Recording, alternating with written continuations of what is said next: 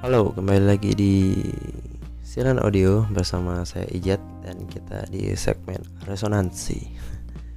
Resonansi kali ini kita akan ngobrolin soal uh, PS Sleman lagi, ya jelas lah ya. Apalagi kalau bukan.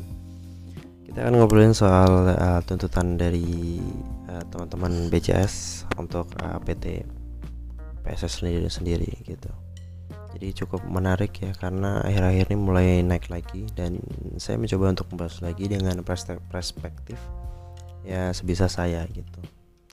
Jadi uh, membahas uh, PS Sleman di tahun ini memang nggak ada habisnya gitu. Cukup banyak peristiwa yang yang aku ngerasanya itu uh, nyesek gitu kan nyesek gitu. Banyak di antara itu adalah salah satunya ya salah satunya banyak banyaknya dari permasalahan itu adalah salah satunya adalah delapan tuntutan dari BCS pada manajemen. Liga juga udah berlalu hingga terlewat satu, musim 8 tuntutan tak kunjung ada titik temu gitu.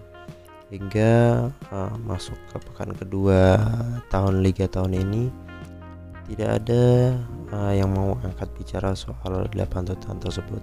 Walaupun ada beberapa uh, info yang uh, sedikit ada secerca harapan tapi belum fix juga gitu.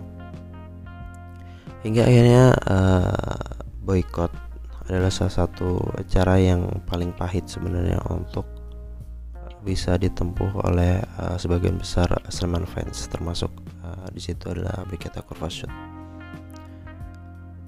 Uh, entahlah gitu kan uh, seberat apa gitu untuk manajemen ini menunjukkan atau mewujudkan atau paling tidak memberikan harapan kita delapan tuntutan yang diajukan bahkan hingga kepemilikan PSS ini berganti pun belum ada gitu kejelasan atau ketidakpastian uh, mengenai 8 tuntutan tersebut. Inilah yang menimbulkan banyak spekulasi dalam tanda kutip adalah spekulasi liar yang menanggapi uh, cara menanggapi Sleman fans uh, terhadap manajemen tersebut.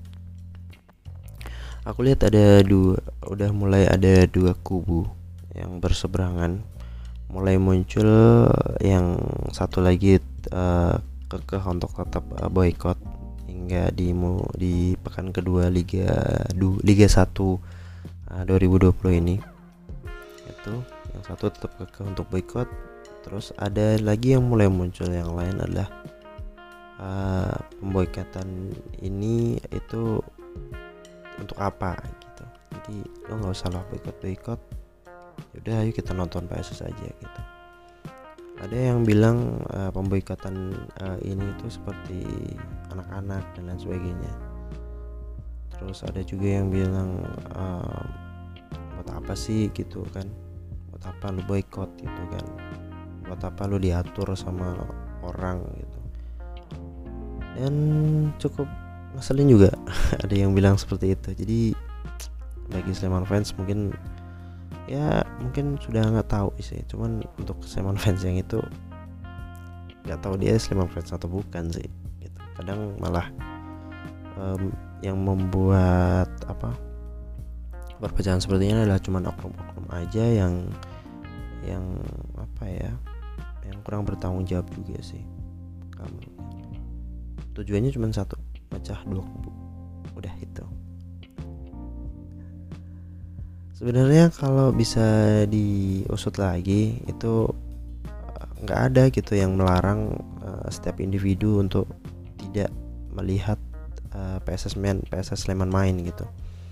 Dan tidak ada yang menyalahkan apabila ada salah satu Sleman fans yang mendukung uh, PSS di stadion gitu. Nggak ada yang mau nyalahin dan tidak bakal disalahkan gitu.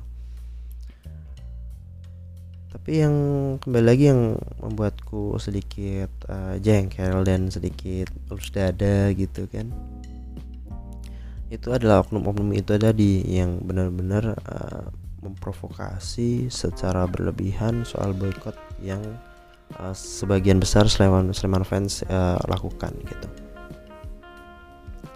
Dan lebih parahnya lagi itu provokasi itu uh, sungguh masif gitu dan aktif dan secara terang-terangan gitu. Tapi ya kembali lagi itu kurang bertanggung jawab gitu kan apalagi kalau dilihat di media sosial gitu kan apalagi Twitter gitu. Itu secara terang-terangan banget dan tanpa ma, tanpa ada halangan gitu untuk menyampaikan uh, buat apa sih boykot dan lain sebagainya gitu. Dengan berbeda bahasa dan gestur di tulisan gitu. Cuman tujuannya sama memecah dua kubu gitu. Memecah antara nonton dan nggak nonton kalau aku pribadi sih sebenarnya nggak nonton untuk kebaikan PSS ya mending aku nggak nonton sekarang sementara daripada uh, tidak ada apa namanya tidak ada apa ya namanya tidak ada perubahan gitu. Kalau aku sih gitu sih. Di akun media sosial juga banyak masif mas secara masif yang aku bilang tadi. Dan akunnya tuh biasanya anonim gitu nggak tahu siapa gitu. Kalaupun ada orang yang ngomong kayak gitu dia langsung diserang dah. Cuman yang bikin geram tuh itu kenapa harus diprovokasi gitu? Gak bagus juga kan diprovokasi buat apa gitu. ya kalau nonton nonton aja gitu nggak usah provokasi yang lain. Lu nggak punya masa lu provokasi kan? Aneh juga um, sebelumnya uh, sebelum ada provokasi itu mari kita uh, buka kembali kita ingat kembali tidak hanya dengan uh, satu dua poin saja kita akan buka kembali apa saja yang membuat uh, boykot itu terjadi. Terus um, mulai dari 8 tuntutan yang dilayangkan itu yang jelas sekali dan gamblang uh, di apa namanya diajukan sejak uh, musim uh, lalu ya. Sampai sekarang gitu dan belum ada titik terangnya dan uh, beberapa tulisan ini aku ambil dari langsung dari sumbernya yaitu dari bcsxpss.com yang diunggah pada Maret atau Juli 2019 aku lupa antara Maret atau Juli. Yang ke cuma tanggalnya 19 tanggal 19 uh, Maret atau Juli aku lupa 2019 jadi udah tahun lalu jadi ada 8 uh, tuntutan tersebut. Kita akan membahasnya satu persatu. Kita akan coba mengupasnya dengan uh, persepsi saya yang sok tahu gitu. Oke, yang pertama adalah program pembinaan dan akademi usia muda dari PS Sleman.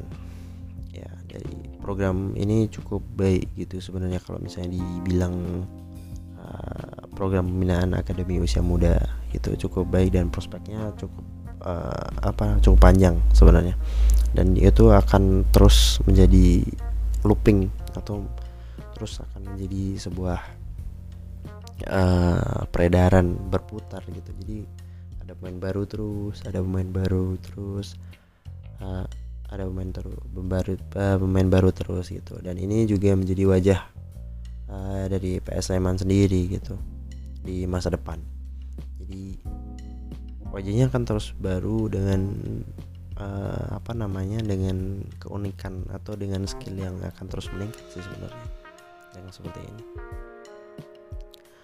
Selain salah satu syarat untuk menjadi tim profesional uh, tim profesional uh, untuk mendapat lisensi AFC ini juga dapat membentuk uh, filosofi bermain gitu. Jadi filosofinya PS tuh PS Sleman tuh ada gitu ya diharapkan itu jangka panjang sih panjang filosofi bermain. Tapi pengennya itu berjenjang dan terus ada gitu. Ya kayak kayak Barcelona gitulah ya dengan filosofi tiki taka gitu. Terus ada juga yang dari Ayak Amsterdam kalau nggak Ayak ya Ayak Amsterdam itu dengan total football. Ya kan enggak sih?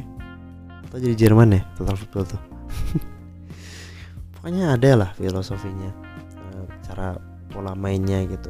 Bahkan yang kemarin yang aku dengar sih di salah satu klub Eropa ya aku lupa klubnya mana itu uh, tim uh, juniornya itu filosofinya nggak sama dan dia itu dipecat gitu.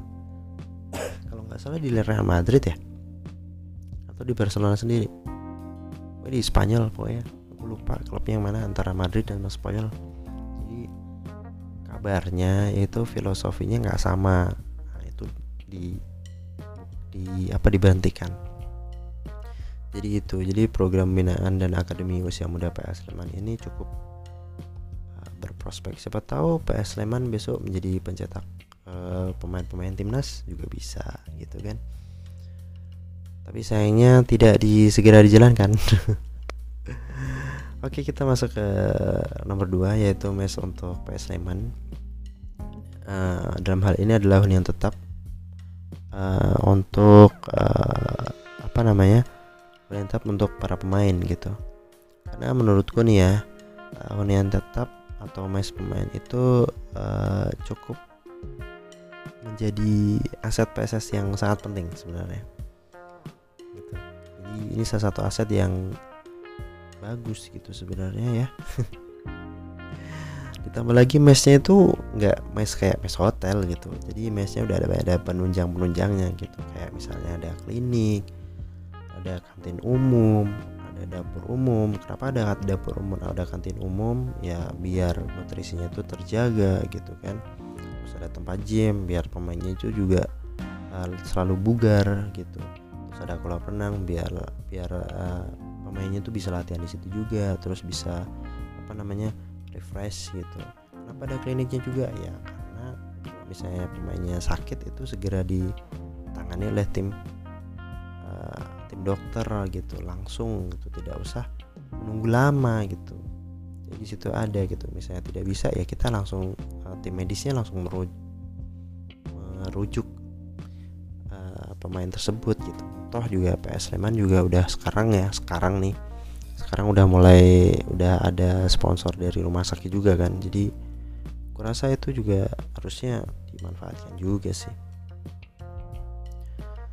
Jadi uh, fasilitas-fasilitas penunjang tersebut itu berada dalam satu kompleks gitu. Jadi ya mes itu nggak melulu mes yang gedung tinggi apartemen nggak juga. Ada yang mes perumahan kayak gitu jadi hal-hal kayak gitu tuh sebenarnya untuk menunjang kualitas pemain terus kenyamanan pemain juga terjaga gitu.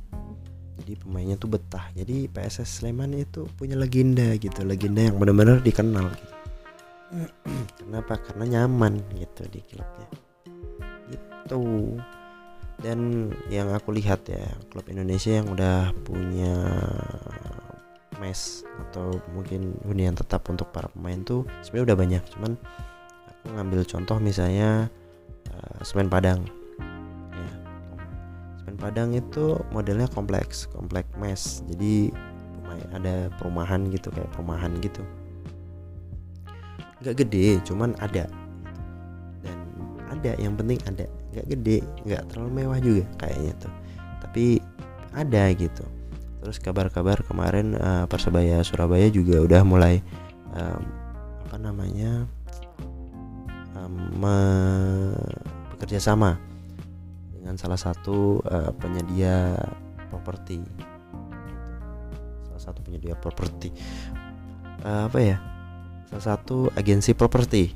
Ya kalau nggak salah gitu aja lah ya kayak gitu. Jadi kapan nih PS Sleman punya mes sendiri gitu kan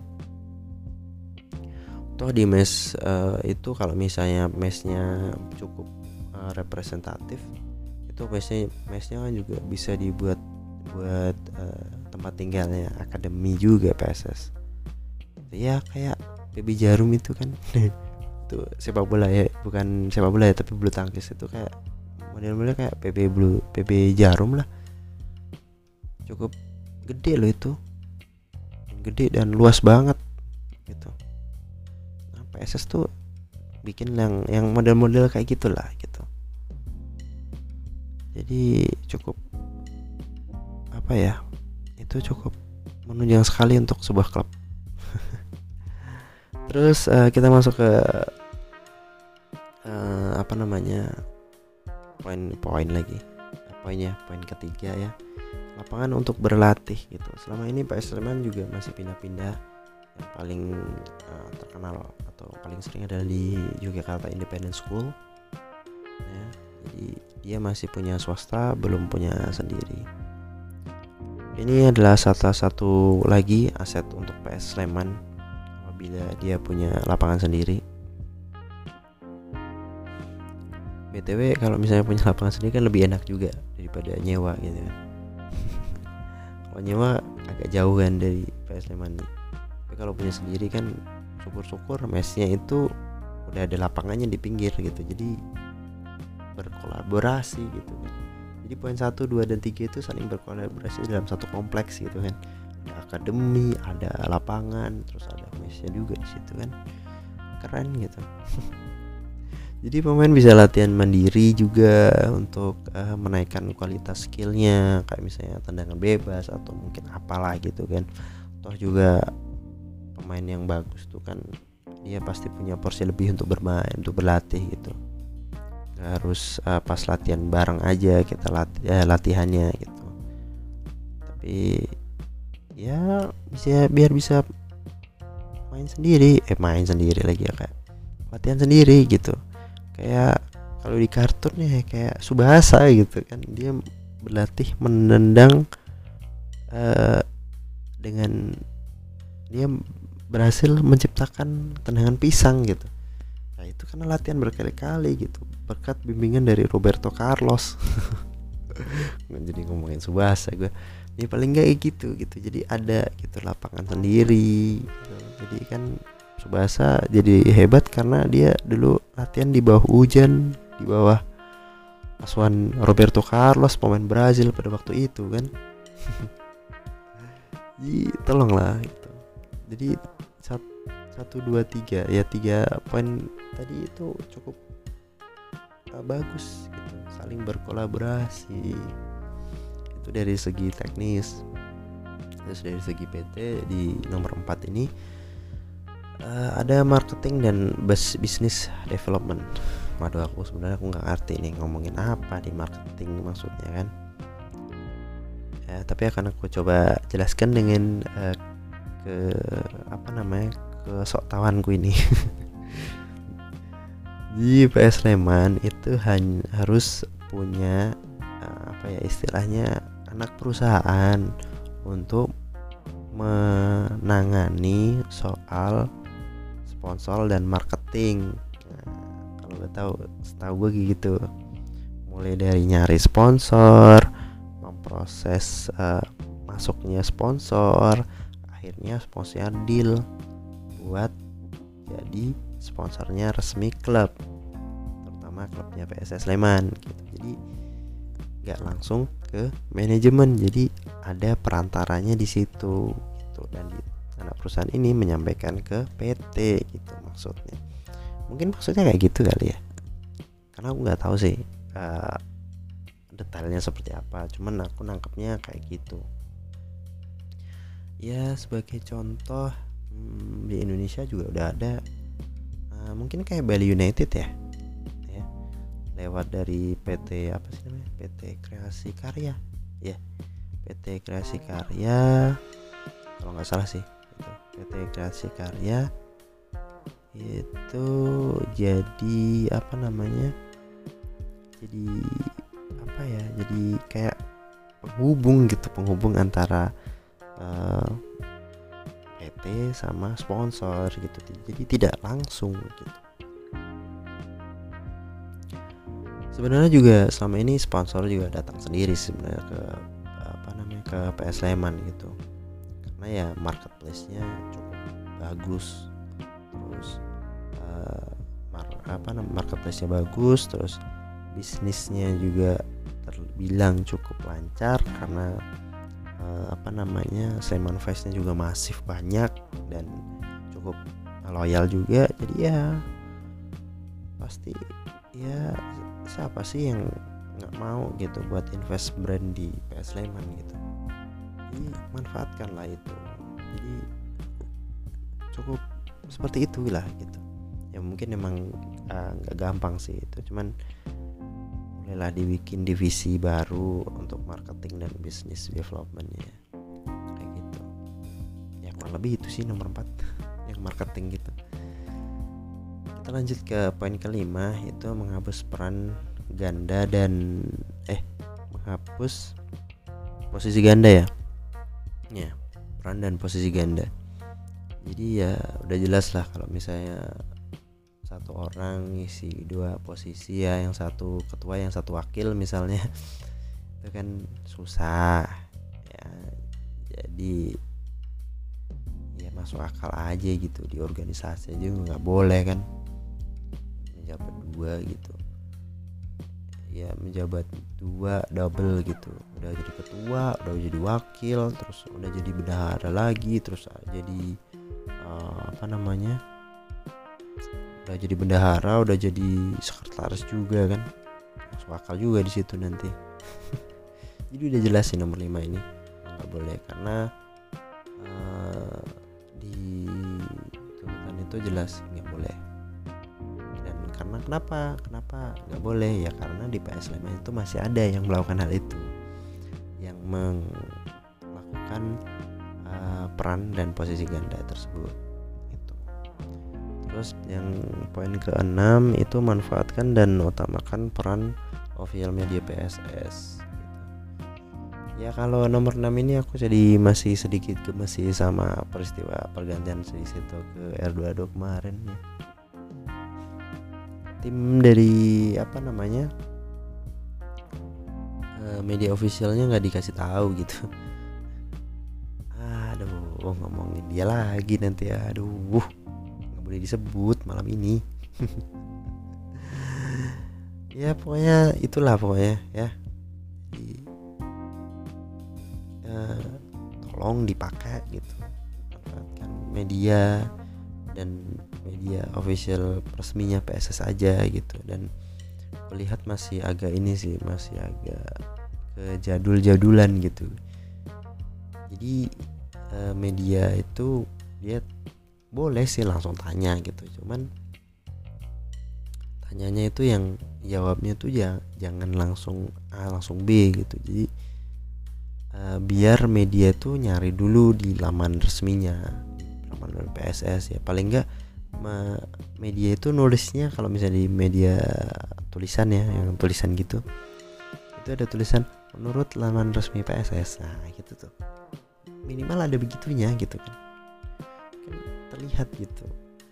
Uh, media apa namanya peran media ofisialnya tuh di situ gitu. Jadi ada gitu di situ. Terus kemarin juga ada aplikasi PSS juga. Jadi ya cukup terlambat sih cuman it's okay lah. Itu semoga lebih baik lagi sih untuk yang depannya gitu. Jadi seluruh informasi itu ada di situ sebenarnya dioblak-oblak di situ. Tidak langsungan gitu ya mungkin gitu ya modelnya.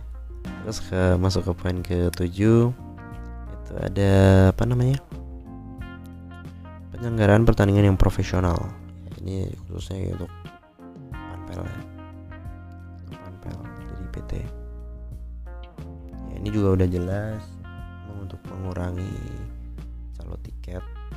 Calo tiket terus ada juga hmm, yang lebih pasti mengurangi calo tiket sih calo.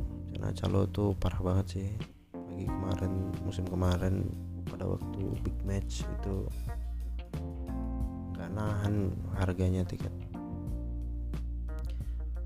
Masa iya sih harus supporter yang harus mencari orangnya mencari apa namanya mencari urusan calo gitu. Ya supporter tuh tugasnya sebenarnya cuma nonton gitu nggak usah nyari nyari calo sebenarnya. Jadi tolong eh, lebih disiasati lagi sih sebenarnya. Bukan tolong sih tapi lebih disiasati lagi harusnya. Mungkin uh, misalnya PSS uh, eh, atau penpal PSS atau PTPS sendiri itu ngeluarin ID gitu ya. Card yang bisa diisi ulang isinya. Jadi masuk stadion nanti tinggal dimasukin kartunya terus dapat bisa masuk gitu loh.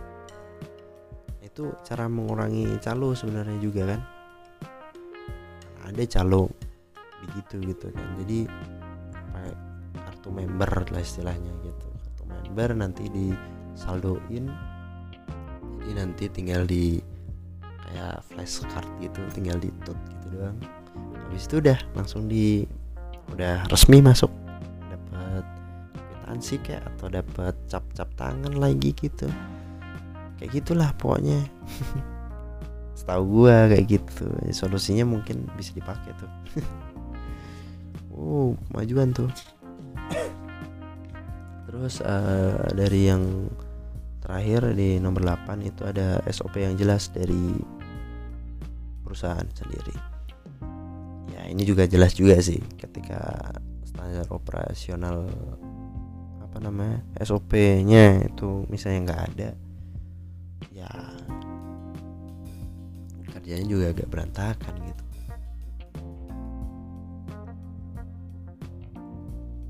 Jadi cukup uh, cukup apa ya cukup membuat SOP aja tinggal studi banding aja kan bisa sebenarnya ini tuh bikin SOP sepak bola. Studi banding aja yang dalam negeri nggak usah luar negeri gitu. Kayak misalnya Bali United itu SOP-nya kayak apa terus Persi Bandung SOP-nya apa terus Semarang PSIS Semarang itu kayak apa terus di Jakarta nah gitu. SOP itu sebenarnya bisa dicontak juga sih. Ya selama satu aliran sih nggak masalah sih. Misalnya uh, sepak bola ya PS Sleman mau nyontek punya PSS atau punya siapa pun yang ada di liga yang dianggap itu profesional nggak ada masalah. Iya orang SOP itu hampir sama semua kan?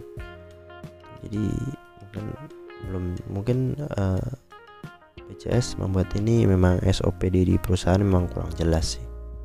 Ya akal juga ketika SOP yang jelas dalam perusahaan. Tadi berarti sama ini tidak jelas SOP-nya gitu. Jadi itu ada delapan ya. Ada delapan tuntutan yang kurasa tidak ada yang memihak ke supporter sama sekali. Jadi untuk kemajuan PS Sleman juga sih sebenarnya kalau dilihat. Jadi uh, itu deh yang kutafsirkan sendiri selam dengan kesoktawanku yang sangat tinggi ceritanya tuh 8 itu belum terwujud atau belum ada kejelasan atau belum ada janji lagi itu maka diboykot ya bukan gara-gara mes lapangan doang gitu loh. Nggak ada mes sama lapangan doang lo boykot bukan itu. Jadi ada banyak di situ ya. Tolong anda yang menafsirkan uh, secara harafiah dan ngajak-ngajak untuk nonton atau memprovokasi orang tolong berhenti. Itu jadi kalau dilihat-lihat dari tuntutannya juga untuk kebaikan dari PT dan tidak ada yang di merasa diuntungkan di situ bukan? Jadi ya cukup masuk akal juga gitu sama ini gitu dengan tuntutan tersebut sih masuk akal menurutku sih. Terus satu lagi. PS Sleman nggak perlu lisensi AFC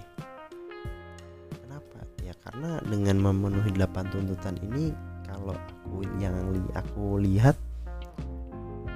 lisensi AFC itu bakal dikasih gitu. Nggak usah misalnya bikin mes gitu ah biar dapat lisensi gitu. Enggak. Emang ini aku bikin mes buat main gitu. Nanti lisensi pasti akan datang toh. Masih di Liga 1 kan. Pasti akan datang dan pasti akan diajukan oleh uh, PSSI ya. Enggak. Atau sama siapa. Ini diajukan sama yang berwenang. Gitu. Toh juga lisensi itu cuman apa sih ini lo kayak KTP lo udah bagus atau kayak SIM lo udah bener apa udah bener bawa motor bawa mobilnya gitu. Cuman tanda aja ini udah lolos nih boleh masuk ke piala dunia atau piala Champions Asia atau uh, Piala Dunia antar klub gitulah pokoknya gitu. Jadi uh, tanda kalau anda itu klub ini tuh sehat gitu profesional itu sebenarnya aku masih agak apa ya sedih gitu dilihatnya. Kalau misalnya ada yang uh, keluar-keluar nggak boykot ngapain buat boykot gitu? Keluar-keluar gitu kan. Yaudah lu nonton nonton aja sih nggak usah ngajak-ngajak nggak usah provokasi. Udah lu nonton nonton aja. Kita orang kalau nggak nonton ya udah nggak nonton gitu kan atau lu kalau nonton sendiri juga nggak apa-apa kan gitu. Mungkin yang ngajak-ngajak itu karena dia nonton sendiri jadi sepi.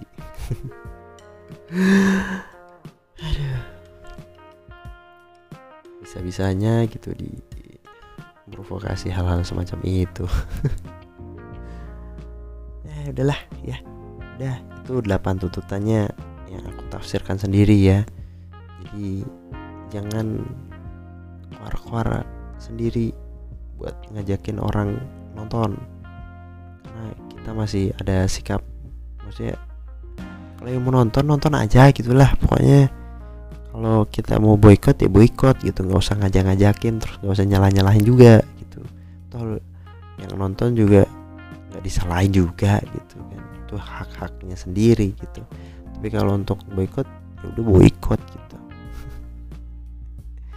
sisi positif positifnya dari boykot ya kita ngirit cuy. Ngirit ngirit ya. Karena kita kan kaum kaum ngirit ya. Jadi irit terus kita juga bisa mengurangi misuh kita kan di tribun gitu kan. Tribunnya biar ayem biar adem gitu nggak misuh-misuh mulu isinya. Aduh udahlah ya. Udah udah gitu aja saya ijat dari siaran audio. Semoga kalian menikmati. Mohon maaf kalau ada salah kata atau salah kalimat atau penyampaian dalam informasi apa pun. Tetap uh, di stay tune di siaran audio JPSS and Chill.